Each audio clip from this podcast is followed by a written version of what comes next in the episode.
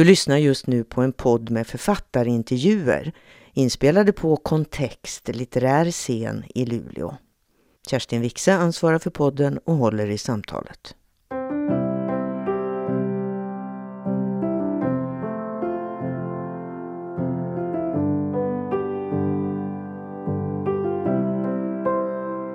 Välkommen Gunnar. Tack så hemskt mycket.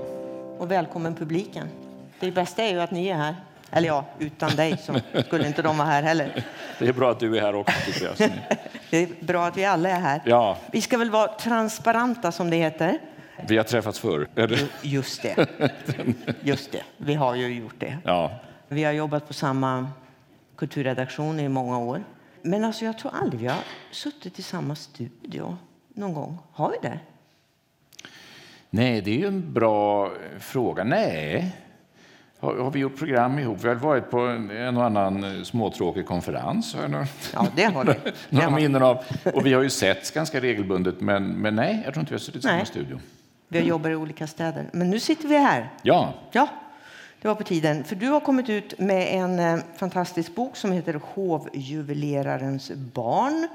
Det är alltså en berättelse om en släkt i skuggan av tre diktaturer kan man säga. Vi ska mm. återkomma till det där med diktaturerna. Men hur gammal hann du bli innan du liksom började reflektera över att dina släktingars liv rymde en stor del av 1900-talets historia? Ja, alltså jag tror att det är så. Man, det, det, är rätt många som, som säger till mig att det måste ha varit fantastiskt att, att ha den här väldigt brokiga bakgrunden med en farmor som var född i Ryssland och en pappa som var född i Österrike. Och att farmor talade alltid ryska med sina syskon och tyska med min pappa och det var massor med folk på vårt sommarställe som talade massa olika språk och det fanns krigserfarenheter och så. Men det är ju faktiskt ingenting som man tänker på när man står mitt uppe i det. Jag tror väl att det som har varit mest uppenbart för mig det var väl att min pappa var i tyska armén under kriget. Och det kan jag ju till, med viss när, lite skam komma ihåg att jag försökte skryta lite mer på skolgården någon gång när jag var sådär i 7-8 års åldern. Pappa han var i Hitlers armé. Det, det gick inte hem sådär särskilt bra som, någon, som någonting att skryta med. Men, men det var ju ändå någonting som, eh, som fanns där. Att farmor hade flytt, eller om man ska vara egentligen ärlig tycker jag man nog snarare kan säga flyttat från Ryssland på grund av den ryska revolutionen. Och att hon sen flyttade från Österrike på grund av Hitler mitt under kriget faktiskt, när hon skilde sig från min farfar. Med hovjuvelerarens barn, hovjuveleraren är ju egentligen min kusin, för firman finns fortfarande. Mm. Man har gått och hälsat på tanter och farbröder på Bolins juvelerare. Och, och, pappa jobbade inte där, så att jag, inte, jag brukar säga att jag har den enda favören jag haft var att jag, jag tror jag fick någon sorts personalpris på den här när jag gifte mig. Sen, sen, har jag inte, oavsett hur mycket jag gör reklam för firman så tjänar jag ingenting på det. Den har aldrig varit en del av mig, men den har varit en del av, av min släkt i och med att jag har gått dit och hälsat mm. på min farmors mm. syskon och sådär. Nu, nu han ju Gunnar berätta, han, han, gjorde en sammanfattning på alltihopa direkt. Men alltså, ni, ni, ni, har, ni har ändå inte förstått alltihopa, så vi ska ta det här nu pedagogiskt. Jag tänkte vi börjar med den ryska historien, ja. Gunnar själva hovjuveleraren alltså. Men vi, om vi går tillbaka, för jag tyckte den historien var så eh, spännande. Nu ska vi se. Din farmors farfar, mm. Henrik Konrad Bolin, ja. sökte lyckan i Österled. Ja, så har det hetat i sådana, i sådana här släkthistorier. Ja, och det var ju då Sankt Petersburg. Det citerar du från en släktkrönika. Ja. Men bakom den där utflykten rymdes ju en dramatisk historia. Ja, alltså Henrik Konrad och Karl Edvard var två syskon vars pappa gick i kvav i Engelska kanalen i dimman utanför Eastbourne. Var det nu 1828 eller något sånt. Det lär också ha varit hans sista resa, vilket ju var eh, extra grymt. Men det var hans skepp och hans gods som var ombord, så det innebar ekonomisk katastrof. Och en av bröderna dog också i den här fartygsolyckan. Och en överlevde. Och en överlevde. Och eh, där också i familjeskrönan har det alltid varit så att han blev påseglad. Och det, det, jag vet inte om det vet man ju aldrig, något som har lagts till så att det inte skulle vara hans fel. De var ju elva syskon. Så att två av syskonen, för att inte ligga modern till last, för att fortsätta citera den här släktkrönikan, sökte lyckan i Österled och hamnade i Sankt Petersburg. Mm. Och hur gick det då i Sankt Petersburg? Ja, den, det, egentligen kom de inte exakt samtidigt. Den äldre brodern gifte in sig i ett befintligt juvelerarhus som var grundat eh, 1791. Och där gick det väldigt bra, väldigt fort, så han lär ha varit en väldigt skicklig man. Denne Karl Edvard som vi då talar om. Han blev utnämnd till tsarens hovjuvelerare. Och då är vi inne på 1830-talet. 1830 Affärerna går så väldigt bra så han kallar till sig brorsan som då har varit i Helsingfors. Och sen kommer han också till, till Petersburg. Och sen så när järnvägen till Moskva öppnas 1851, då åker brorsan min farmors farfar. Det finns en, ett släktträd här i om man, om man, om man tycker det, det är väldigt användbart. Mm. Då åker han till Moskva och öppnar en filial. Så min farmor föds 1897 som dotter till hovjuveleraren Wilhelm Andreevich Bolin. Jag har lärt mig att man ska inte säga Vasilij Andreevich, för Andreevich betyder ju Henriksson. Och då är han andra generationen hovjuvelerare. Du, får jag bara ställa en jättedum fråga? Ja. Alltså om man är hovjuvelerare, Tillverkar man juveler eller handlar man bara med dem? Nej, man, man, de hade en stor... Eh, alltså, det var ju så att de hade en, då en, en, stora butiker både i Moskva och i Petersburg. Och Petersburg servade ju främst hovet, men båda hade hovjuvelerartitel.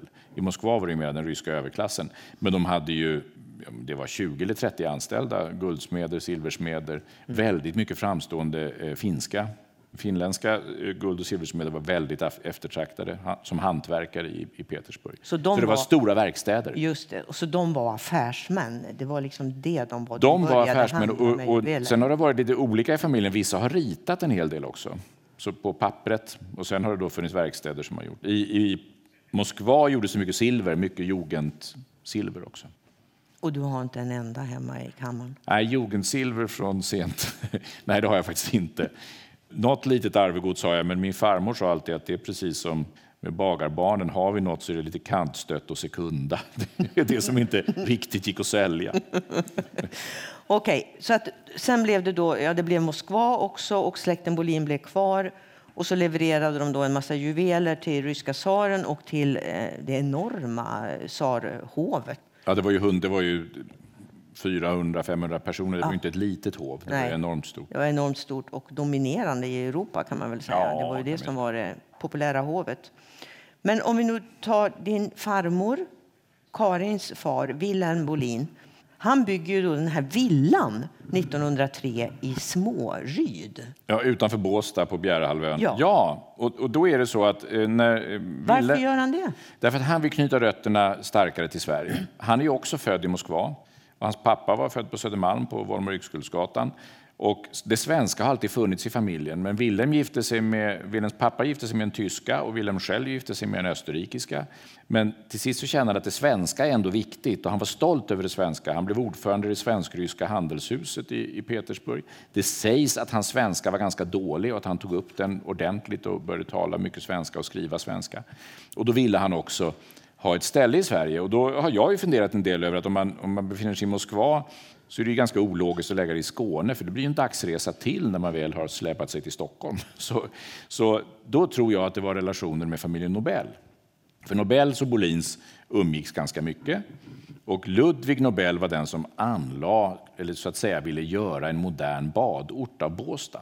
Men vänta nu, var var familjen Nobel menar du? Ja, men de fanns ju i, överallt i Ryssland. Ja. De fanns ju både i Moskva och i Petersburg. Så där umgicks de? Där de umgicks i olika grenar av, av familjen Nobel. Hänger ni med? Nej. Ja. Det, men okay. det, och det är väl också en bild av att de, de svenska eh, hängde, hängde med varandra. Alltså att de ja, som det brukar um, vara. umgicks mm. Eh, gemensamt. Och då eh, tänkte Wilhelm att han skulle bygga ett sommarställe i Skåne. Och jag, det, det är också en bild av hur det, det är ju liksom, efter ryska revolutionen och ännu mer efter börskraschen så försvann ju väldigt mycket pengar. Men på den tiden så tittade man inte på nollorna på eh, fakturer eller så, utan det var bara att göra. Så att han byggde ju ett jättehus på 600 kvadratmeter med 13 sovrum och sen köpte han 25 hektar mark och anlade en äppelodling och sen byggde han ett till hus på 250 kvadratmeter. Det var sommarstugan.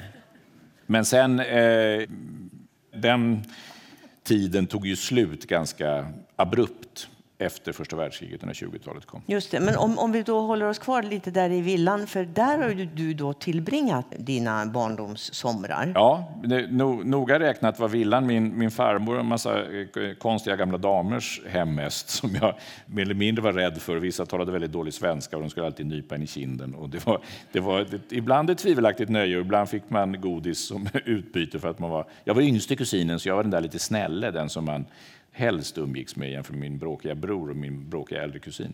Så villan finns kvar, men sen till den fanns det också en fyrkantig Skånegård den växte jag upp i. För mamma stod inte ut med alla tanterna nere på villan. Men det är lite där som också den här tanken med hmm, det här är en spännande historia ja. föddes. För du hittade, du rände runt där på vinden och började gräva i lite kister och sånt. Ibland kan man fråga sig varför en person i en släkt blir den som, som skriver om familjen. Men jag var alltid väldigt road av att rota runt just där på, på villan. Plus att jag har, jag har väldigt starka minnen från min barndom. När min brorsa säger sådär, det har jag inte ett minne av, så har jag glasklara minnen. Och där finns en liten rolig detalj. Jag beskriver en tant Salomon sen som jag minns från mina barndomar och när hon får syn på att det blöder lite på mitt knä. Då får jag komma in på hennes rum och då får jag ett blått plåster och jag tycker det är jätteläskigt. Jag är rädd för smärta och jag tror att hon ska ta fram någon otäck sprit och badda mitt knä. Och, och då fick jag sen brev ifrån tant Salomonsens barnbarn. Hon sa, de är danskar då, att du kom ihåg att bästemor att hon hade färgglada plåster. Och det var ju bara med ett minne jag hade men som jag ändå tyckte jag var roligt. Då är det liksom det som det har satt sig på något sätt. Men i villan då har jag, jag har, jag har många regniga eh, sommardagar. Det dröjde kanske till jag var 35, men då började jag leta i skrymslen och vrår. Det finns jättemycket brev. Och tyvärr är en hel del brev skrivna eh, handskrift, kyrilliska bokstäver på ryska. De har jag inte dechiffrerat av begripliga skäl. Sen är det allra mesta på tyska. Det klarar jag av. Och jag har varit... Det är lite risk att jag hoppar nu, men jag kan bara Hoppa säga, vi kommer nog till det. Att jag har inte primärt varit intresserad av den här juvelerarhistorien. Den har aldrig riktigt känts som min. Utan jag har varit mest intresserad av min farmors tillvaro i Österrike i mellankrigstiden. Mm. Mm. Och inte minst eftersom min farfar var socialdemokratisk politiker. Och där har jag verkligen varit intresserad. Hur gick det till? Och min farfar kom från en nästintill lika borgerlig familj som min farmor och vansläktades enligt dem då med att bli eh, socialist. Och jag har ju alltid sagt att har man en släkting som var politiker i Österrike på 30-talet då är man ganska tacksam att de, att de var socialdemokrater. Men då hittade jag till sist de breven som jag verkligen hade längtat efter att få hitta. De som var från farmor, från Österrike, till då när hennes mamma bodde i, i Stockholm. Och de var väldigt öppenhjärtiga och inte fylld av kära lilla mamma, här är allting så bra. Nej, där är det mycket om hur tråkigt hon har, hur hon, illa hon tycker om sin svärmor. Hon skriver väldigt mm. ärliga brev. Och, och du kallar henne för Babi? Jag, jag har alltid Karin. fått lära mig att, att det är en sorts diminutiv av babuska. Jag har alltid sagt Babi till min farmor och pappa har alltid sagt Babi till min mormor för att röra till det hela. Min idé var faktiskt att boken skulle heta Babi. Mm. Det, det, fick jag inte för förlaget. Så det var en, en mm. sån man får finna sig i, eller fick inte, mm. men de övertalade mig.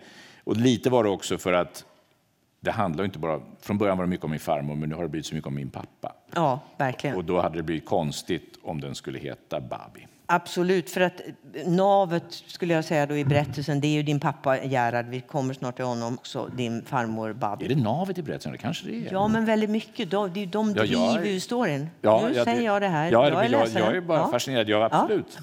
Ja. De, jo, men det är, de, det är Babis historia, mm. den går ju igenom alltihopa. Och även din pappas historia. Ja. Ehm, så att återkommer. Men jag menar, hon, hon, Babi föds då, Karin, i Moskva. Och så kommer ryska revolutionen. Hon lever ju ett fantastiskt liv, låter det som, där i mm. kosmopolitiskt i Moskva. Rik familj, mycket societetsumgänge, tjänar och drösar, tjänarinnor. Och mycket, det, mycket kultur. Mycket kultur. De, de, hon har ju då en morbror som är en annan känd socialist i Österrike. Som de, det har jag sett i brev. Jag uppfattar dem som mer vad ska man säga, lite frisinnade liberala. De var ju självklart inte några socialister om man var tsarens juvelerare. Men de är också, jag har hittat brev där de är väldigt störda eller förtvivlade över att tsaren inte inser vad som måste ske. Mm. Men så det var ett hem, precis som du säger, med mycket liv och rörelse, mycket gäster, mycket sång. Hennes pappa var en, en otroligt engagerad amatörsångare som till och med hade haft idéer om att bli operasångare, Wilhelm. Alltså. Och så tycker jag det är fascinerande att hennes mamma, Maria, var fotograf. Ja. Det, det, var inte så här eh, kvinnorna var instängda i hemmet direkt. Nej, verkligen inte. Både min farmor och hennes systrar, de ville att de skulle ha utbildningar och min farmor kan vi då säga lite till skillnad från min mormor som kom från ungefär samma samhällsklass, så var min farmor alltid den som lappade och lagade.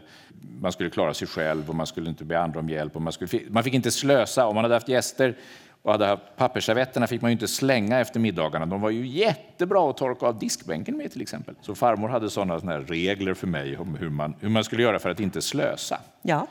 I breven skriver hon också att hon vill ju arbeta. Hon vill, och det kan man, hon vill ju inte vara en mamma heller, utan hon vill ju Nej. Vara en, en modern mm. kvinna. Mm. Alltså hon är 16 då när hon eh, blir kvar i Sverige, för då kommer ju ryska, ryska revolutionen. Ja, först Första ja, världskriget? Första världskriget, ja. Det är då hon blir ja, kvar. Ja, precis. Sen mm. kommer revolutionen. 17, men, ja. och då är ju, men då är Wilhelm Bolin mm. är ju kvar i Moskva även över revolutionen. Ja, så han är ju kvar. Jag har inte exakta månaderna för detta. Han är kvar 1917. Han mm. kommer till Sverige 1917. Wilhelm Bolin var klok nog att aldrig bli rysk medborgare medan kusinerna i Petersburg blev ryska medborgare.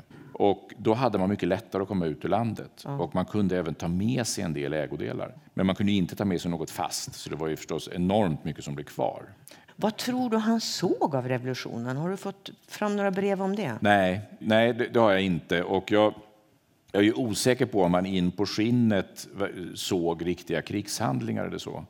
Men att det var väldigt allvarligt och att han åkte med vetskapen om... Alltså de trodde ju förstås att det skulle blåsa över att de skulle komma tillbaka efter några år. Det är en sorglig insikt, det trodde man ju om Hitler också. Man sa det här kommer inte att vara. Mm. Den här historiska naiviteten, men vi har ju facit på hand å andra sidan. Så att när, när, de, när, han kom till, till Sverige så ville de ju bida sin tid. De hade ju bett då de ryska vännerna och de som arbetar i butiken och så att försegla här nu och vara försiktig, vi kommer tillbaka.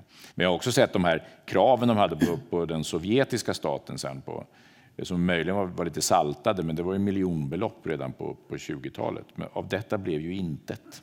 Han lyckades inte så bra med det. Nej. Sen finns ju, du, nu, du nämnde honom förut, det finns en tredje person som är väldigt viktig i romanen och det är alltså österrikaren Karl Seitz. Ja. Han är ju då brorsa till din farmors mamma. Hänger ni med? Alltså hon som var fotograf i Moskva, Maria.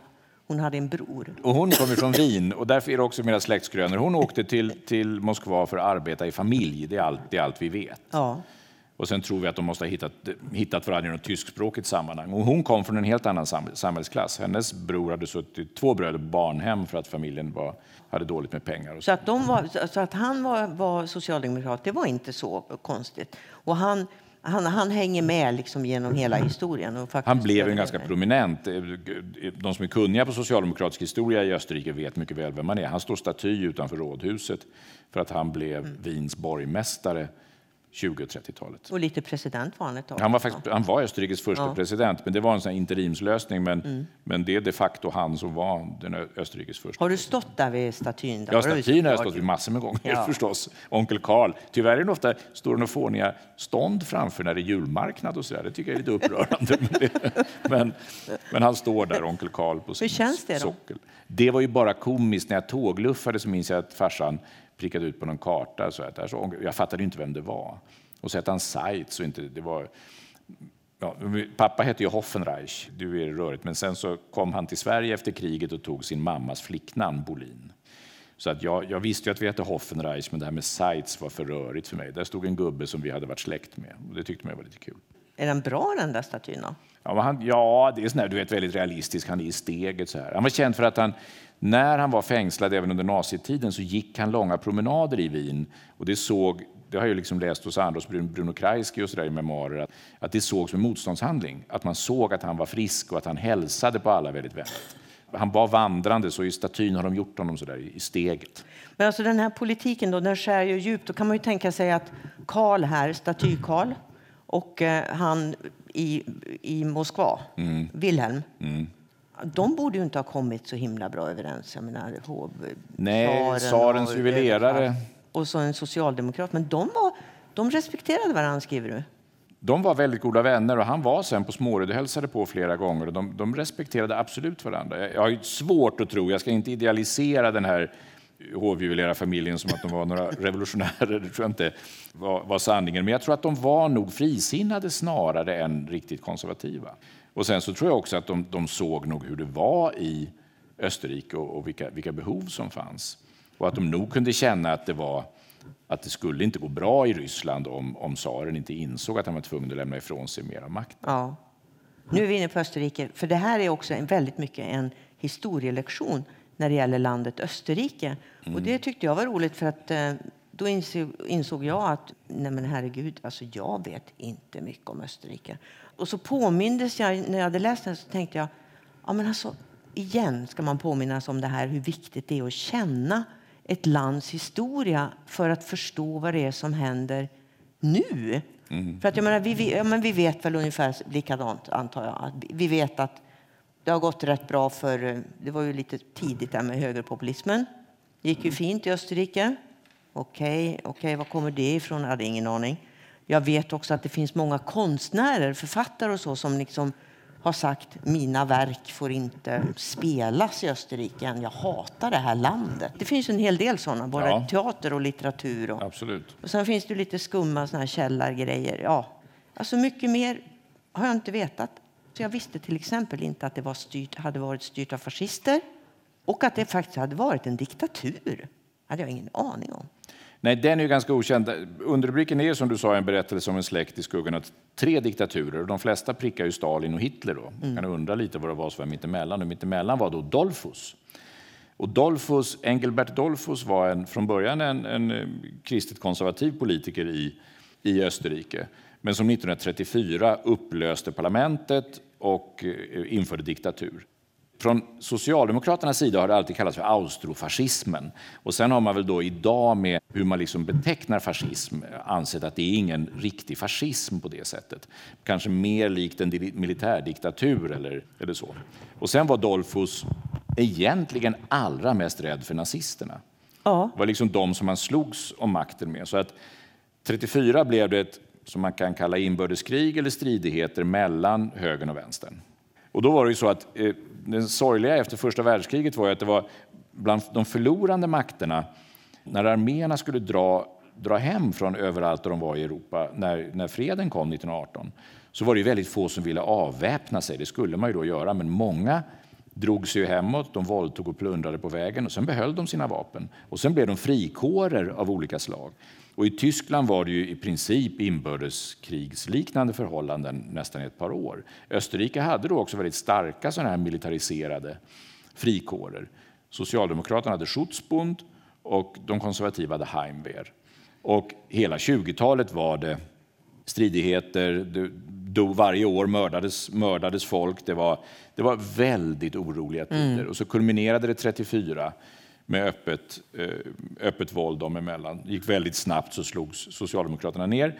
Och då bestämde Dolfus att Socialdemokratiska partiet skulle förbjudas och så internerade han socialdemokrater högt upp i hierarkin och nazister högt upp i hierarkin. Oh, det är det här som blir lite förvirrande. Ja, det blir väldigt förvirrande. Ja. Men, men det var ju att, att han, på den tiden hade ju inte Mussolini ännu tagit ställning för det mot Hitler, så att han hoppades ju få Italien på sitt, sin sida. Men eh, det var ju väldigt många av, av vänstern som jag ansåg att det var ju döma dem till döden att sätta dem i en cell tillsammans med nazister, för det var ju de som hade slagits mycket på gatorna också.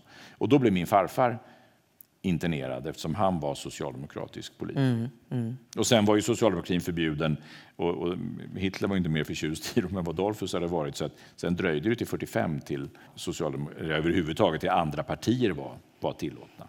Nej, och sen här, som kom ju Anschluss väldigt tid, tydligt. 38 tidigt så, där, så. Ja, så, så in, annekteras ju Österrike då österrikiska trupper.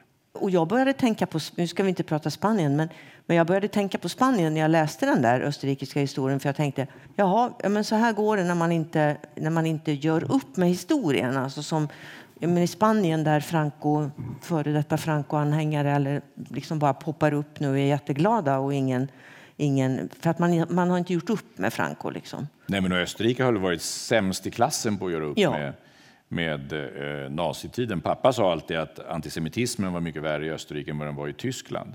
Det var ju det här alltid första offret, Hitler, Hitlers första offer sa ju alltid österrikarna om sig själva och var mycket sämre på att, att det var inte så där jättebra i Tyskland. Men jag menar, Tyskland har genom åren ändå haft, jag var utrikeskorrespondent i Tyskland och kände stor respekt för hur man verkligen har velat hålla rent högerut. De var nästan sist i Europa med att få ett högerpopulistiskt parti i parlamentet. Mm. Men där var även, jag kommer ihåg när det var eh, val det var Edmund Stoiber som då var eh, kristdemokrat från Bayern, väldigt konservativ. Och då minns jag att det var någon formulering kring Irakkriget där även Stoiber sa ifrån att vi kan som tyskar aldrig säga jag minns inte det exakta ordet, men det var något som då hänförde till nazitiden. Så att man har varit väldigt försiktig. De har inte varit i Österrike, man har inte tagit i det på samma sätt. Och eh, hela den här Kurt Waldheim-affären var väl ett exempel på detta, där det visade sig att Waldheim ju hade varit krigsförbrytare under, under andra mm, världskriget. Mm, mm. Ja, men vi, nu ska vi återvända till släkten ja. eh, och till din, din pappa som alltså var österrikare, växte upp i Wien och som du generöst berättar om, kan man säga, ja. igenom, också med stor kärlek, men också med en viss kluvenhet. Han ja. blev gammal, han blev 94 år. Det är några år sedan han gick bort. Du får själv säga vad som är utmärkande för din far. Alltså pappa var ju, har jag ju förstått i efterhand förstås, märkt av, han föddes 21. Kriget stal ju hans bästa år. Han var ju i kriget från 39 när han var 18 och i princip efter alla, det var ju fångenskap eh, efter kriget och sen så var det, han kunde inte komma till Sverige förrän 47 och han ville ju till Sverige som Österrike var ju också fattigt och bombat efter, efter kriget. Så att man kan ju säga att, att från 18 till 26 levde han ju under... Han var aldrig vid någon front, min far. Han var i Norge och, var, och var dechiffrerade morsesignaler och, var, och sen var han tolk. Han var väldigt språkkunnig pappa, så att han hade ju inte varit vid den värsta vid några östfronter eller så. Men pappa var en eh, auktoritär, snål, egenkär. Det är många såna egenskaper man skulle kunna, skulle kunna räkna upp. Men det fanns också någon sån här, något, ett försonande drag. Det gick alltid Alltså, jag har kanske inte som barn, han reste väldigt mycket, han sysslade med export när jag var liten och det var kanske familjens räddning. För det var mamma som styrde hemma och som såg till att hans idéer om uppfostran inte fick allt för mycket genklang. Och det var nog skönt för mig och min bror. Och det är också en bild av att han, den sån här svart pedagogik går ju ofta i arv. Och eh, jag vet inte om vi kommer till ja, vi kommer det. Till det. Ja. Nu vill jag först att du ja. läser ett stycke. Jag ska läsa ett eh. stycke om, om pappa. Ja. Det är ju då så att, att de enda eh, så att säga, riktiga samtidsbitarna i det, i det här, det är ju mina berättelser om pappa. Och då är det ju så att när jag, när jag riktigt kom igång med den här boken var ju pappa ganska gammal. Han bodde först på ett, ett eh, pensionärsboende som numera är ett 55 plus-boende. Men så väldigt trevligt med gemensamma eh, måltider i stora matsalar och sådär. Och sen när han inte riktigt klarade sig själv så fanns, finns det äldreboende inom samma organisation. Och eh, där var jag då ganska mycket med pappa och då blir det ju så att det vet ni säkert alla, om man hälsar på en gammal släkting, så länge man är i hemmiljö så hittar man alltid något att göra. Alltså då kan man lite pyssla eller någon somnar lite, då går man till köket och fixar. Men när man är på sådana här, de bor på äldreboenden så blir det lite segt ibland. Och vad gör man? Jo, man pratar om förr i tiden. Och hittar man ett fotoalbum så blir man extra glad och så kan man, så kan man prata och prata om, om förr i tiden. Det var ju det jag gjorde med pappa. Och, eh, men sen hade min pappa en del lite, man får säga, komiska sidor som, som jag skrev om och så upptäckte jag att min förläggare tyckte att de där är ju bra, du måste ha med dem för att de ger ändå en, en, en bild av din far. Så, att så här kan det då låta när jag beskriver hur svårt det var, ibland var med min far som var så ohyggligt snål. Och då brukar jag säga då att jag, jag skriver att jag hade något lättare att fördra det hela när jag blev äldre. Men den gången som jag tog ut honom på en tur till Brostugans café på Kärsön, då hjälpte inte min sjukdomsinsikt eftersom jag ansåg att pappa var patologiskt snål. Jag blev sårad lik förbannat. Utflykten var en bonus att lägga till de veckovisa middagarna hemma hos oss där jag ofta serverade någon av hans och mina österrikiska favoriträtter. Schnitzel, späck, linsen, kanske med knödel. Jag körde alltid en riktning för att hämta eller lämna honom, 50 minuter i bilen. Den andra tvingade jag honom att åka färdtjänst. Men det kostar ju 75 kronor. När vi hade kommit ut till eh, brostugan och närmade oss kassan vid självserveringen så frågade jag honom lite ironiskt, för jag anade ju redan svaret. Vem ska betala tycker du? Vem tror du? Det var du som ville åka hit, sa han och gled förbi bakom min rygg. Kaffet är gratis där jag bor. Pappa hade ett hyfsat sparkapital på banken. De senaste åren gjorde han inte heller av med sin pension. Det blev några tusenlappar över varje månad. Skulle det kunna vara ett argument för vem som skulle betala? Nej, jag visste det. Diskussionen skulle vara fruktlös. Inte heller när barnen var små och våra inkomster precis räckte så delade han med sig eller frågade om han kunde hjälpa till med något dyrare inköp. Vår kommunikation var gudskelov alltid befriad från tvetydigheter eller antydningar, så på frågan vi skulle verkligen behöva köpa nya sängar, kan inte du bidra med lite? Fick man alltid ett lika rakt svar. Nej, det vill jag absolut inte. Jag tycker det är hemskt att man ska förväntas skänka bort så stora summor. Och ändå alla familjemedlemmars skratt bakom hans rygg. Vet du vad han sa idag? Jag tänker på alla gånger jag berättat om min snåla pappa för arbetskamrater och vänner. Historier om hur han försökt byta utslitna plagg på NK och hävdat att de var nya. Eller hur han lyckats tjata till sig rabatt, rabatt genom att hävda att han var med i en viss förening. Eller när han tog reda på var bageriet låg som bakade den goda tysklimpan med kummin som kostade 45 kronor i Hötorgshallen. Pappa åkte ut till bageriet och blev kompis med dem, sa han, och fick limpan för 25 kronor istället.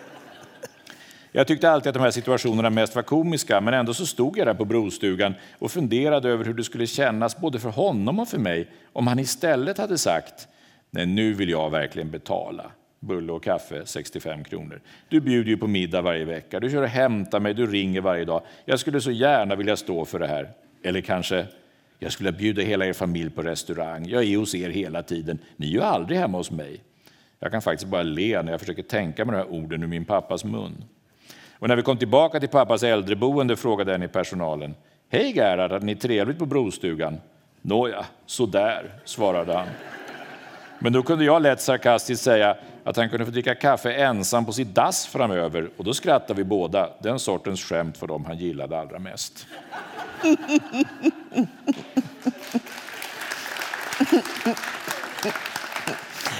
Alltså på ett sätt låter det ju inte som ett innerligt far-son-förhållande och på ett annat sätt gör det ju det. Han kallade dig för Bamsen, det låter ju gulligt. Ja, han sa aldrig Gunnar. Alltså Bamsen eller Lubel som jag aldrig riktigt fattade var det kom ifrån. Bamsen var faktiskt för att jag gillade den där Hipp för Bamsefar när jag var liten. Ja, men Lubel? ja, det har jag faktiskt ingen aning om vad det var. Nej, han hade smeknamn på allt och alla. Och han var bra, du beskriver ju att han var, han var som bra på att stöta bort folk. Ja, tyvärr så var han eh, han kallade det för rätt fram. Okej. Okay. Det var, nej, det fanns, det var, alltså han kunde, eh, jag minns när, jag tror han, när han fyllde, förmodligen han fyllde 80 så hade han en mottagning och då kom en, en väldigt kär gammal släkting. Hon hade ringt mig först, hon var väl en, kanske till och med tio år äldre. Så här, vad ska vi ge till Gerhard? Så hon kom på en bok och så kom hon med den och så, det här finns inte med i boken, nu får ni en bonushistoria. Mm.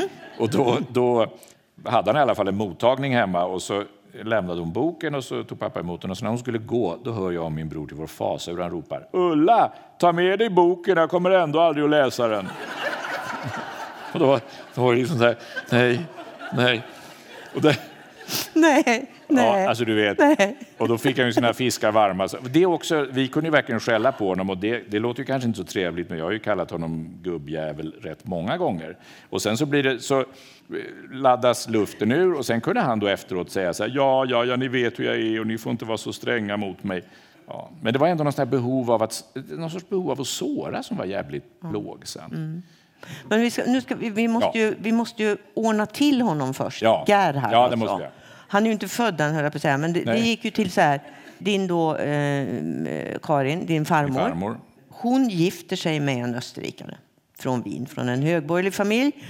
Men han har då, vi ska inte gå in på det, men han är faktiskt socialdemokrat. Ja. Och hon är 23 år.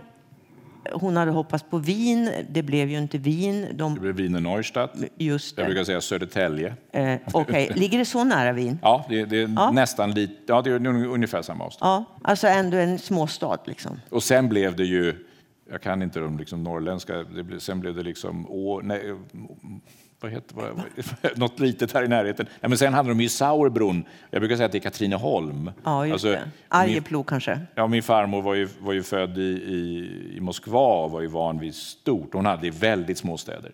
Min, farmor, min farfar arbetade 12 till 14 timmar om dygnet som politiker och delvis som advokat, men i början nästan bara som politiker. Ja, så då kan du se då denna 23-åriga kvinna som har längtat efter det brusande storstadslivet så hamnar hon i den här lilla hålan. Och där förväntas hon syssla med, inte vet jag, gardinuppsättningar eller något. Ja, och, och skaffa barn och vara, och ja. vara hemmafru. Och, och, alltså och det hon... finns inte riktigt pengar till... De har hembiträde, men de kan bara ha först från början halva dagen. Och det här är ju ändå tider Alltså när man tänker även i Sverige så var ju de flesta lärarfamiljer eller så, hembiträden var ju, var ju något många hade. Hon gillar ju då också hembiträdet, blir hon god vän med, då har hon någon att prata med. Ja, absolut. Toppen. Och jag menar, apropå snålhet så, hennes man är väl inte direkt snål, men de har inte så mycket Nej, pengar. De har, de har ganska dåligt med pengar. De skriver mycket, för att efter kriget så, så fanns det pengar i London. Jag vet inte om man tyckte att det var bättre än Schweiz eller något sånt. Men alltså när de var oroliga och inte visste var de skulle bo så fanns det pengar i London och då skriver min farmor ibland kan jag inte få av det här för då de väl lovade något av det. Men sen dröjer det bara, jag tror fram till 29 så kommer ett brev från hennes bror där det är att vi kan glömma de här pengarna. De blev ju hovjuvelerare i Sverige också. Men firman står ju inför helt andra förhållanden än i Ryssland och att bygga upp en verksamhet, det blev liksom inga pengar kvar. Nej. Så det, det, de får ett litet bidrag ibland från föräldrarna i Sverige till att kunna resa till sommarstället i, i Skåne. Mm. Och det kan min farfar tänka sig att ta emot. Han vill inte ha hjälp med pengar till Nej. vardagskostnaderna. Det är han för stolt för. Nej, precis. Det, det är också, jag menar, allting är ju relativt. De, de, de, de byggde sig en villa i Sauerbron belånade, men jag menar, han var ändå borgmästare. Han satt i, i landets regering, alltså han var ganska högt upp socialdemokrat. Så det är klart att jämfört med många andra så hade de, det levde de ju ett, ett anständigt liv. Men hade bara en mörk kostym, det skriver hon om att det är så pinsamt när den börjar bli blank i baken och sådär. Ja, man kan ha problem. Mm. Men jag tänker på Gerhard här, ja. för att din, din pappa, han, han skulle ju verkligen ha kunnat klaga, tänker jag. Du skildrar det så i alla fall. Hans pappa engagerade sig inte nämnvärt i honom. Det var ingenting man gjorde, det var inte barnen man engagerade sig i som man. Och sen hade han fullt upp med politiken. Liksom. Och hans mamma ville ju helst bli av med honom för hon tyckte det var väldigt jobbigt att ha barn e- egentligen. Och, och sen så skickas han ju då som 13-åring till Wien för att bo med sin faster Hilde och hennes nazianstrukna och sadistiska man. Mm. Och där han då blir misshandlad helt enkelt fysiskt ja. och psykiskt under flera år. Ja, i fem års tid. I fem års tid. Det var ju, det, att han skickades dit var ju för att det inte fanns någon högre utbildning i Sauerbrunn där de bodde. Mm. Sen kan jag tänka att det var säkert också av ekonomiska skäl att eh, Hilda och Hugo hade inga barn, bodde i Wien. Så det var väl en utmärkt eh, lösning att han kunde, att han kunde bo där. Men de visste de om det, hur han hade Nej, det? det? Där kan jag ju, det har jag funderat ganska mycket på. Jag, och det är väl också ganska vanligt att man kanske själv har, kan ha ett laddat förhållande till sina föräldrar och så får man barn som tycker att farmor och farfar, det är, det är jätteroligt, man kommer mycket närmre än, liksom den, nästa generation. Så jag uppfattade ju alltid min farmor som den mest empatiska, kärleksfulla. Hon var i och för sig en som alltid gjorde något. Med mormor kunde man sitta i knät och läsa böcker. Farmor sa snarare, nu bakar vi. Hon ville liksom alltid hålla på med någonting. Men hon var väldigt barnkär. Men i de här breven är hon väldigt tydlig till sin mamma att jag vet inte hur man tar hand om barn. Mamma, det här är inte för mig. Jag vill hjälpa Ernst i juridiken. Vi måste få mer hjälp. Jag, jag är en dålig mamma. Hon skriver även då på somrarna när pappa har fått en bror, Hans, som föds fem år efter honom. Så skriver hon att jag kan inte komma till Småryd i sommar om vi inte får ha någon hjälp med oss. Och då vid någon sommar så hittar de på den fina eh, idén att de har med sig en lärare, Lerer Fink. Och det har pappa berättat, det var hans livs värsta sommar.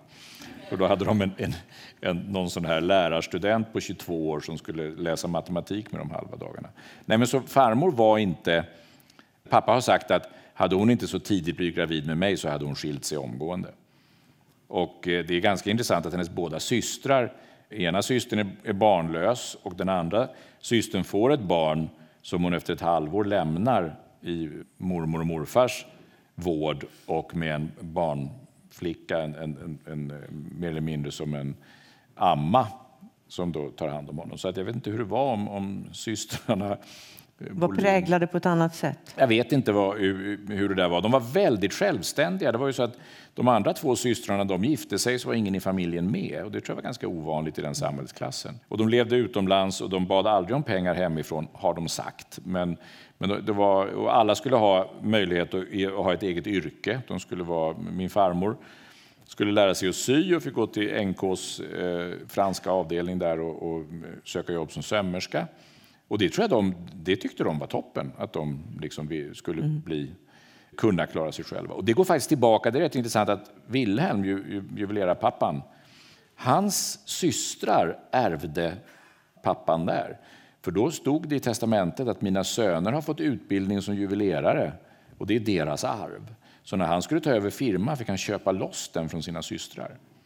Jag vet ja, det är ju radikalt. Om det fanns någon, någon, progressivitet som gick i arv i släkten redan då 1890. Men, men alltså tillbaka till då min, min farmor och den här när pappa hamnar hos Hilda och Hugo. Jag och min bror pratat ganska mycket om det, att det, det här kände vi inte till. Vi har ju talat om att pappa bodde hos Hilda. När jag var barn så hade vi ett gigantiskt porträtt som jag skäms att säga står nere i min källare nu av tante Hilda.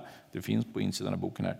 Och varje gång det var middag i lite finare i matsalen eh, hemma så skulle man skåla med henne. Så, Åh, det liebe tante, hyllig tante. Och det tyckte vi var jättelarvigt. Men vi visste ju då att hon var, vi hade ju ärvt henne och därför kunde vi bo i en villa i Bromma. Det var ju det som var, hon var arvtanten. Och att hon hade haft en man som hette Hugo, ja det kanske jag visste, men inte mer. Men 1986 när eh, vi ska bestämma ett namn till vårt första barn, jag och min fru, då var Hugo ett namn som var på förslag. Och då blev pappa som han hade fått en elektrisk stöt. Det var verkligen så där, nej, skrek han bara. Och vi fattade ju ingenting. Jag kan inte ha ett barnbarn som heter Hugo. Och då, vad, vadå, vadå? Ja, den jäveln han slog mig ju hela tiden. Va? Mm. Ja, det pratade vi inte mer om det. Och sen var det locket på och så frågade vi väl lite. Ja, han var en jävla sadist och nu pratar vi inte mer om det. Nähä. Och sen när pappa blev äldre, och det är väl inte heller helt ovanligt, så har man då förträngt något noga hela livet och sen plötsligt började det pysa ut och då kom det historier om denne Hugo. Pappa, pappa sa aldrig någonsin hans namn utan att säga den vidrige eller den äcklige. Och då hade han själv skrivit, pappa skrev, har skrivit ungefär 40 sidor memoarer som är väldigt bra, som ändå går igenom hans liv.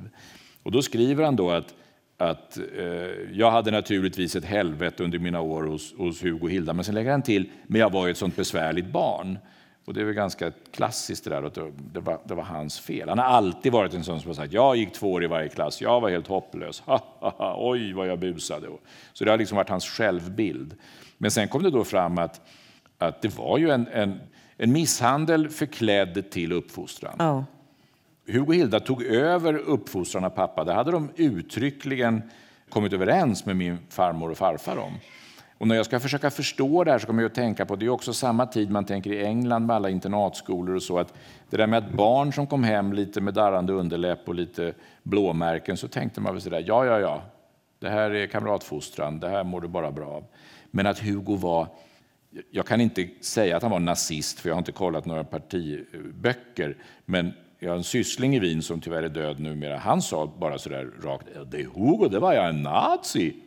Och det är den österrikiska delen av släkten, att han var nazist. Pappa sa att äh, han var opportunist, han hade hållit med vem som helst. Men jag tror absolut, med tanke på hur auktoritär han var, så att han gillade det här lite mer militäriska. Och så. Och det, det, är klart att det, följt av kriget, förklarar min pappa till, mm. till, till viss del. Det gör mm. Nu kommer vi till andra världskriget.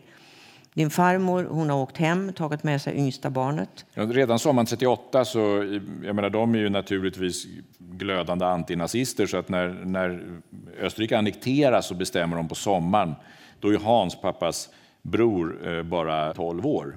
Och då säger de att nej, han åker inte med hem, utan då är det min farmors bror som har juvelerarfirma som heter Henrik, han betalar för en internatskola åt Hans i Stockholm. Mm. Och då blir det också det är lite intressant, det är Vigbyholm som jag då slår upp som är en progressiv internatskola med både eh, pojkar och flickor.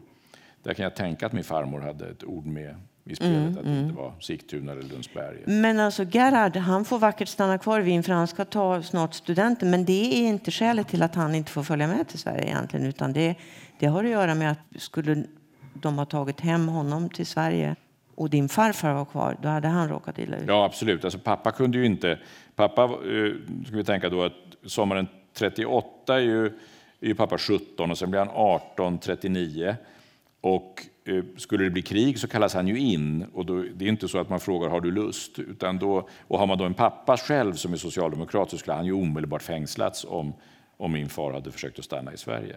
Och svenska myndigheter hade ju, jag menar, han var ju han var inte österrikisk medborgare, han var ju tysk medborgare från 1938. Och det är lite intressant som jag märkte då när jag kollade arkiv i Sverige att då fick de söka om visum till, till Sverige. Det behövde de inte som österrikare. Så att från 38 så finns det visumhandlingar då för varje sommarresa så där som de, de, de ansöker om. Så pappa blir kvar och sen så är det ju då hösten 39 och kriget bryter ut och mm. pappa drar taggtråd vid polska gränsen. Ja, men han är ju med vid det där eh, polska historien. Alltså. Ja, och men... vad, ni vet, när man låtsas att Polen anfaller Tyskland får en ursäkt för att gå in. Där är han och håller på ja, med pappa är ju, Redan på sommaren så håller de på att dra taggtråd och reglerar åar och sånt där. Så det kom han ju på i efterhand att det här var en förberedelse. Och sen så när det väl då kriget börjar längre norrut så är pappa i ett Pappa blev uttag som, som eh, skytt så att han ligger bakom fronten och ska titta efter krypskyttar. Och det här är också något som jag, jag har alltid hört och varit säker på att min pappa aldrig kan ha dödat någon under kriget för att han inte var vid någon front. Men där erkände han på äldre dagar att, att polska krypskyttar sköt ju på dem. Och då har han skjutit på någon som har ramlat ner från ett träd. Han säger själv att jag vet inte. Men då minns jag mina, mina barn var väldigt upprörda för det berättade han. Det är typiskt min pappa, sånt berättade han så glatt när de var sju, åtta år. Så, ja, kanske jag dödade honom där uppe i trädet. Så, och, och de sa gråsfatter till honom. Men gråsfatter, varför gjorde du det? Ja, men han sköt ju på mig. Så, ja, det var den logiken. Vad skulle jag göra? Så det var... Men sen var, blev pappa lätt skadad i foten och det är också intressant. Och, och då läste han juridik i Wien hela 1940. Och då frågade man, vad fan, det var ju fullt krig. Ja, men då gick ju kriget bra, då var ju inte alla inkallade. Mm. Det var ju liksom när, när de bara segrade på alla fronter, så då var det inte full mobilisering. Och det är mm. också så, nej. Och en annan grej jag lärde mig var, det skriver jag om också, det kommer jag ihåg när jag var jag kanske var i 15-årsåldern och man såg ju, i alla fall i min generation såg man ju jättemycket krigsfilmer. Och det är ganska intressant tycker jag rent sådär, kulturhistoriskt att, att krigsfilmer fram till i princip, eh, vad heter den här berömda tv-serien som kom på 70-talet som ändrade allt? Holocaust, just Holocaust. Det, precis. Fram till Holocaust så var ju alla krigsfilmer äventyrsfilmer. Det var örnästet. Man sköt mot varandra och, och, nazisterna var elaka och det kunde vara mer eller mindre humoristiskt. Och så då minns jag att jag pratade med pappa en gång i 15-årsåldern och då pratade vi om när han var i kriget och då råkade han säga att, att ja, då var vi där på luckan i Norge och då så en av våra överordnade visste vi ju, eller en kille på luckan när de var 12, han var ju nazist och då fick man ju liksom vara men det var väl alla nazister? Så jag. Exakt, jag tänkte just det. Det är så intressant att ja. du skriver om det.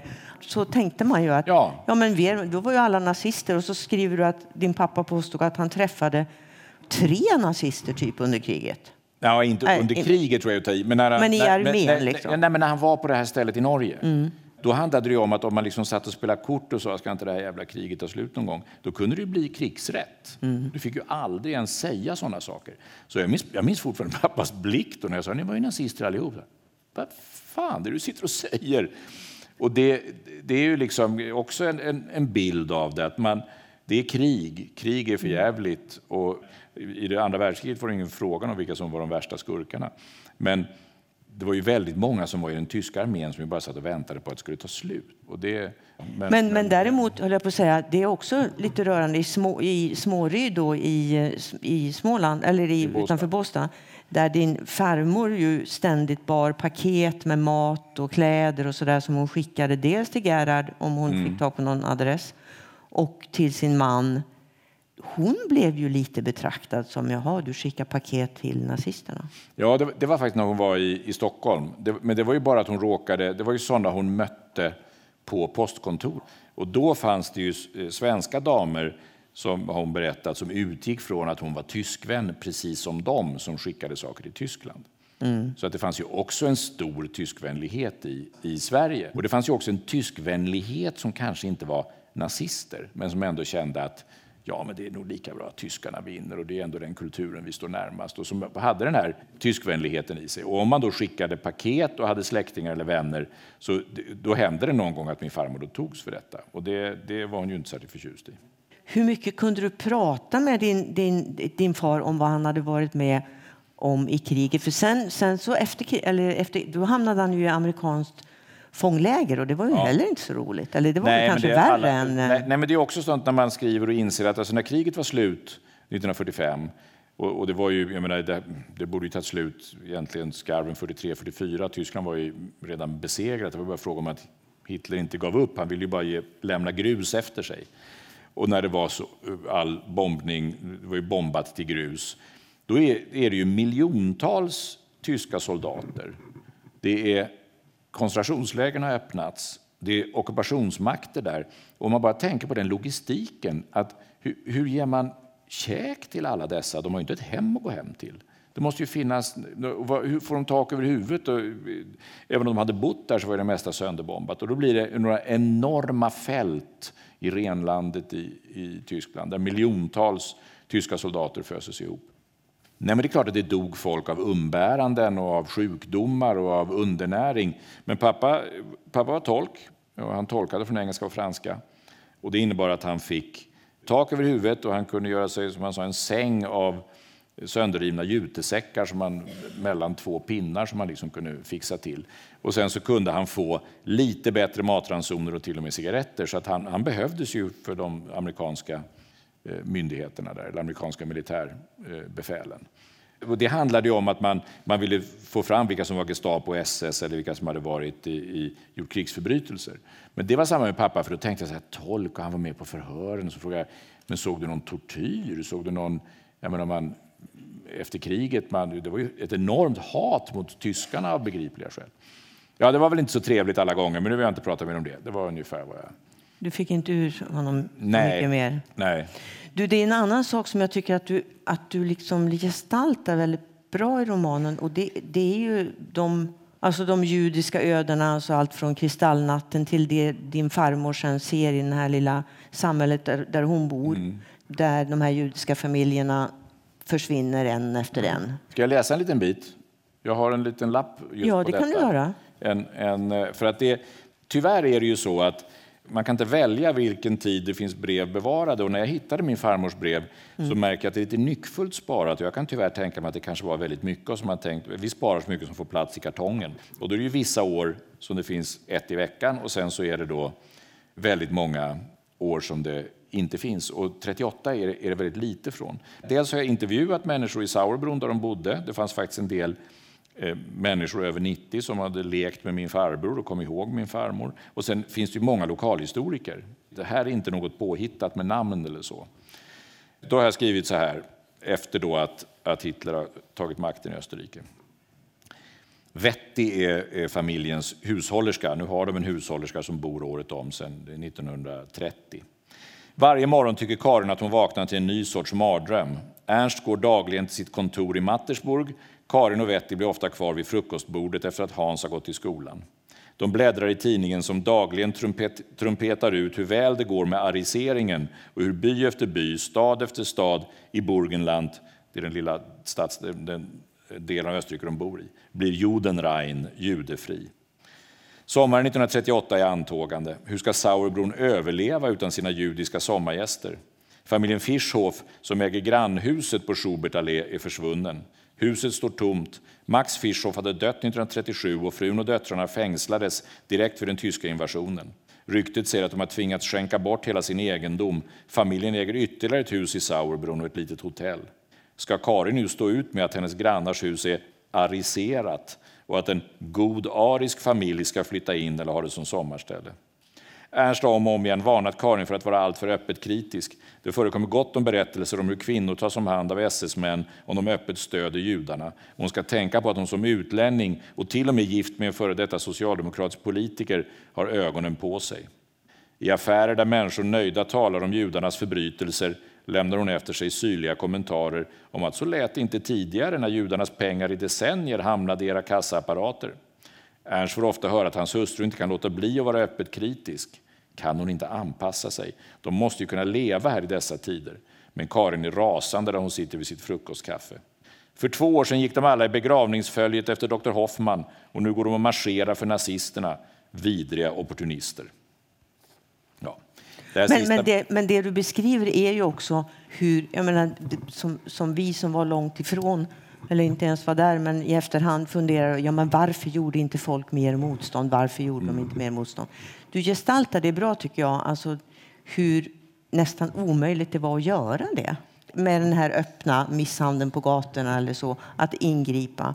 För att det var så konkret våld hela tiden helt enkelt. Så att ja då, då skulle du vara beredd att dö då. Och att de här värsta liksom gangsterbanden var ju unga killar, 20-25-årsåldern som gick i, i sina SS-förband och misshandlade. Det kunde vara, det finns det exempel på, om någon inte gör en ordentlig nazihälsning så bryter de armen på personen i fråga och sen så är det finns ingen mening att gå till någon domstol eller någonting. Så det, det, våldet var ju ständigt närvarande. Det finns en liten beskrivning som jag tycker är så obehaglig.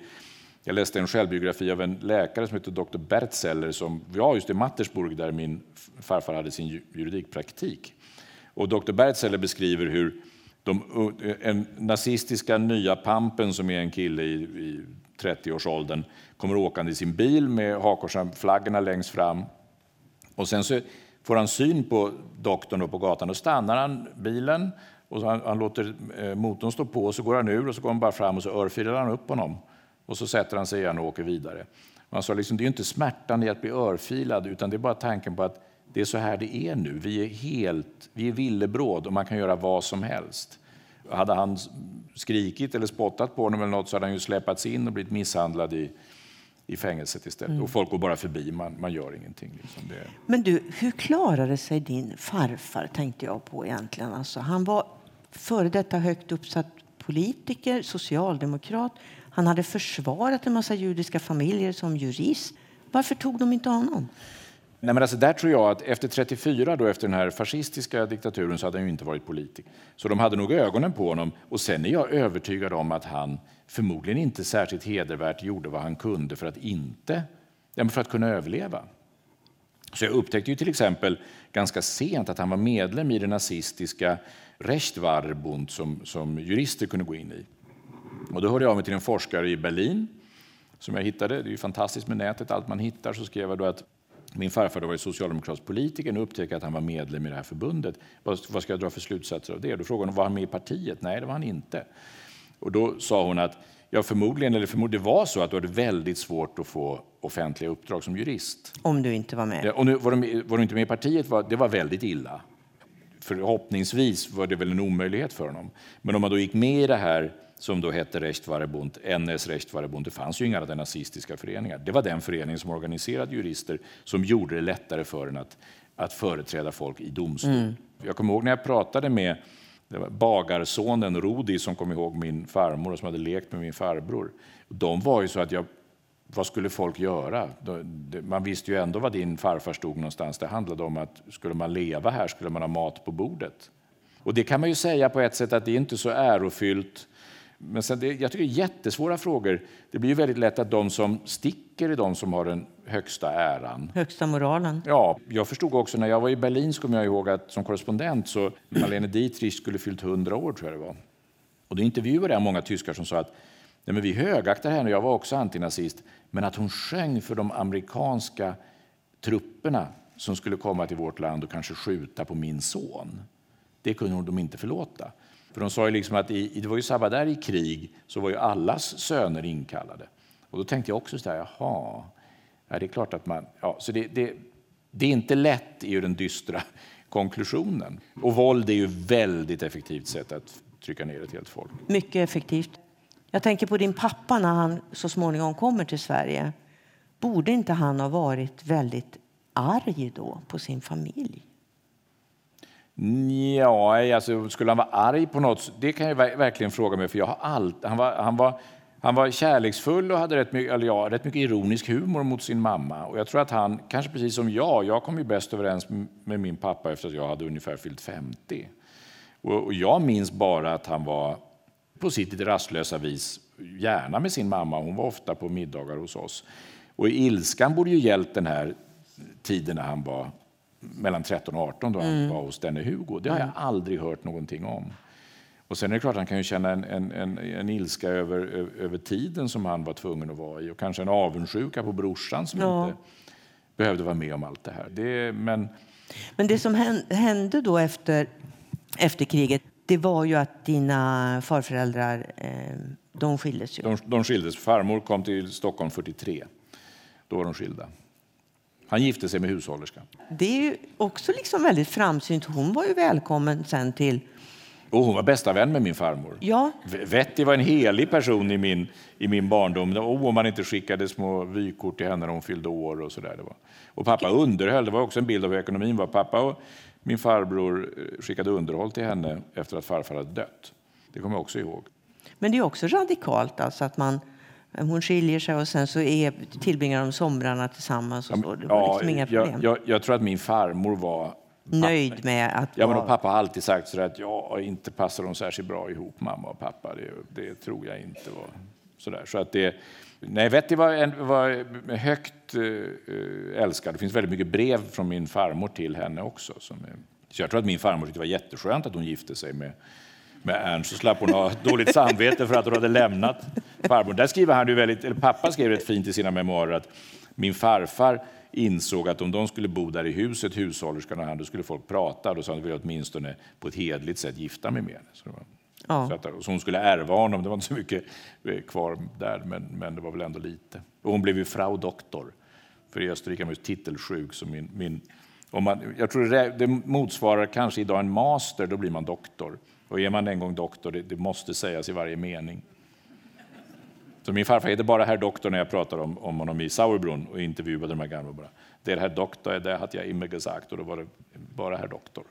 Du, ja. Jag blir lite nyfiken på, under hela det här, jag vet att du har hållit på i många, många år med det här. Var det någonting som verkligen överraskade dig under arbetets gång? Ja, alltså det var mycket det här med pappa och, och hur han hade det hos Hilda och Hugo som nog överraskade mig. Sen överraskade mig nog lite också med min farmor och hennes svala förhållande till barnen när de var små. Och som sen visade sig när jag pratade med min farbror, dog tyvärr före pappa, men jag pratade med hans fru och hon sa nej, men det sa Hans alltid att eh, Mutti, som hon sa, var, var inte den där famnen man kröp upp i när man var liten och så. Det, var, det, det, och det är ju konstigt när man själv har en helt annan bild som, som, som barnbarn. Och sen så är, men alltså det, det, är klart att hela den här historien, när jag, när jag, jag kommer ju att tänka på väldigt mycket. Min farmor bodde i en tvåa i Stockholm och det gjorde hennes syrra också och hennes brorsa också. De, de var väldigt, jag menar, de, de, de, var ju på ett sätt väldigt borgerliga och någon sorts överklass och de var, de var hovjuvelerare. Men, men, men jag, jag, kunde ju se den här, liksom hur det gick från deras första våning i Stockholm var på 310 kvadrat och det tyckte de var rimligt om man skulle ha, överhuvudtaget kunna ha lite svängrum. Och sen så hur allting krymper, så här, det har jag aldrig tänkt på förr. Då var det någon som frågade varför sålde de inte sommarstället? Och det tror jag var det, det var den enkla anledningen att de inte behövde. Och de tyckte nog till sist, i, jag hörde aldrig ett pip från min farmor att hon tyckte att hennes till på köpet ganska lilla två, att det var något konstigt eller så. Trots att som juvelerare hade de förstås kontakt med människor som bodde i de här 300 kvadratmeters bostäderna också. Men, mm. men det, så det, det fick jag väl någon sorts inblick i. Men det, det, det, kom ju inte något sånt här. Att farfar gick med i det här nazistiska eh, juristförbundet var, det var något av en chock. Och du var ju, jag, jag, kan avläsa en viss lättnad när du hittar de här breven som visar att, att ingen i släkten var nazist. Ja, ja. Alltså, eller att din pappa kanske till och med skulle ha varit Ja, pappa hade ju en sommar då när han, när han cyklade runt i Båstad med, med hakorsbindel på armen och skrek. Han cyklade, då, det var sommar när han, han skulle faktiskt fylla 16, eller var han 16? Eh, och skrek undan ur vägen, här kommer tredje riket. Och det har han ju liksom själv alltid då sagt att det var, det var ett väldigt effektivt sätt att reta hans mamma. Men, men jag tror ju också att han var en av dem. Han, han bodde hos Hilda och Hugo. Och det är precis som Ingmar Bergman väldigt bra beskriver i sina memoarer. Det är klart man dras med. Det är klart att det är, det, är, det är väldigt tryck i den här gemenskapen. Sen är det ganska intressant, och som jag, det hade jag inte så klart för med familjen Hoffenreich judiska förflutna, men som var så långt tillbaka. Det, min farfars farfar lät döpa sig 1848. Så att de hade passerat till och med de här perversa Nürnberglagarna. Mm, mm. Men det var ju också intressant. Men pappa var nog absolut, tror jag, precis då som Ingmar Bergman beskriver, så att det var häftigt. Så där. Men sen är jag ju övertygad om, han var ju aldrig någon han hatade det här med kriget. Han ville ju vara i Sverige, han ville vara på Småryd. Och han var, och han var inte antisemit? Nej, nej, nej, det var ju verkligen inte någon. De hade ju enormt mycket judiska vänner. Min farmor var, jag försökte hitta något ord för det, det finns ju det här som man, man ibland säger om kvinnor som hänger med, mycket med homosexuella, säger man faghag. Och då undrar jag om det finns något begrepp som jewhag, därför att farmor umgicks nästan bara med judar. Det hade jag inte en tanke på innan jag var, jag menar, för några år sedan. Jag tänkte, Ja, just det, tant Scheidemann och familjen Naciel. Och ja. och då tror jag, jag skriver lite om det, det gällde ju även i Österrike. Jag tror att med hennes bakgrund så tror jag att hon trivdes med de som hade sett lite mer. Mm. Och som och då, och kanske då, talade lite fler språk och ja. som inte, inte bara hade bott i den här lilla byn. Liksom. Så Precis. Hon... Och då kommer vi till dig, höll jag på att säga. Kan du se, som ändå du har liksom andats in den här kosmopolitiska atmosfären och hört alla de här konstiga språken varav du förstod en del och andra inte. Kan du se att det har präglat dig? För du har ju gjort samma sak. Du har ju liksom rest världen runt, du har rapporterat, du har rört dig i olika språkgrupper, du är intresserad av historia, du, du är en bildad person. Alltså kan du se spåren härifrån? Jo, men det var ju absolut så. När jag började på radion då hade vi ju två äldre damer som ju var så otroligt kunniga på, på Tyskland, Ingegerd Lundgren och Monica Nagler. Underbart. Mm. Och, och, då kände, så jag kände ju från början att det här kan inte jag ge mig in i, för de hade ju en bildning som jag menar som än idag. Monica lever fortfarande. Och Ingegerd Lundgren, det var min stora var ett, idol. Var ett, ja, det var en vand, ett vandrande... Eh, Lexikon. Ja, verkligen. Med erfarenhet också. Enorm erfarenhet. Ja. Och, så att jag kände nog från början... Jag bodde i Wien ett halvår när jag var 19. Och det fixade farsan. Och jag, jag, jag, var på ambassadens på handelsavdelningen. Jag tyckte det var skittråkigt. Jag ville ju inte bli, hålla på med ekonomi eller något sånt. Det förstod ju inte min far. Han ville ju inte alls att jag skulle bli journalist. Men mamma var ju stöttade mig alltid. Men, men sen har jag varit väldigt mycket i Centraleuropa och jag tror, alltså jag, jag, tror att det blir så att man får en något större förståelse om man intresserar sig för sin egen, egen släkt. Sen kan jag märka att mina kusiner som då är juvelerarfirman som inte alls har intresserat sig för det österrikiska, för deras pappa, min farbror, han var ju bara 12 när han lämnade. Så de har inte kunnat den här historien alls och inte känt sig så delaktiga i den. Det, jag tror absolut att det blir så att man, man får ett ökat intresse. Sen vet jag inte hur mycket det betydde att jag hörde ryska hela tiden som barn. Jag, jag menar, det var någon sorts läten som min farmor och hennes syster gav ifrån sig när de pratade med varandra. Jag förstod ingenting. Men det var ryska? Ja, ja om de inte lurade mig vad de nu skulle göra det för. Nej, det, finns faktiskt. Vi har lite gamla filmer på min, min farmors yngsta syster som, eh, som dog 99. Så hon är med mina barn. Och då kom hennes kusin på besök ibland. Det är väldigt roligt. De var lika lomhörda båda två. Så jag, jag har tjuvfilmat dem i köket på småret när de så skriker till varandra på ryska. Så jag vet inte riktigt om de svarar eller om de bara säger goddag yxskaft. Men...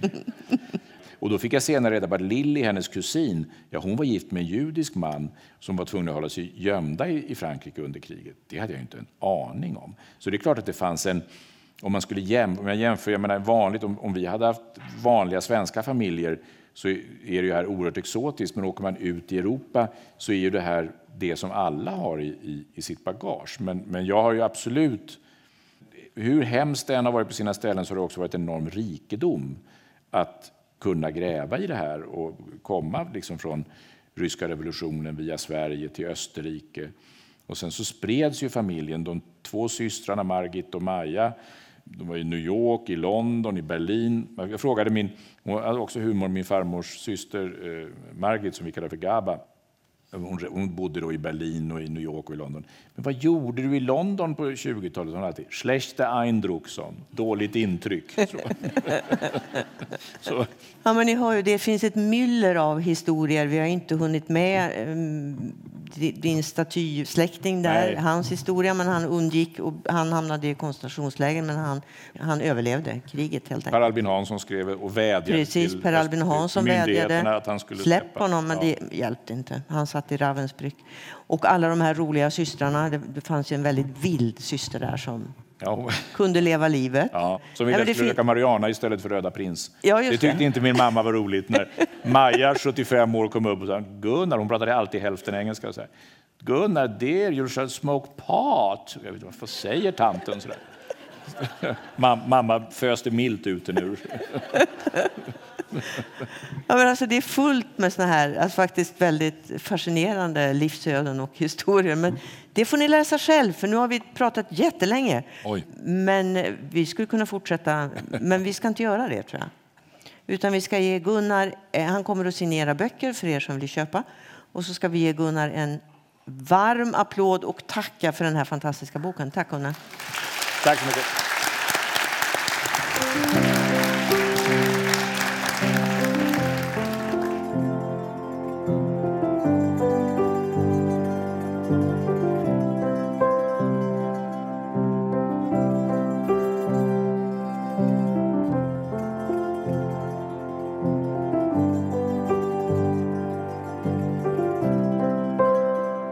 Kontextpodden produceras med stöd av Region Norrbotten och i samarbete med Kontext litterär scen i Luleå. Författarscenen drivs med hjälp av Statens kulturråd och Luleå kommun.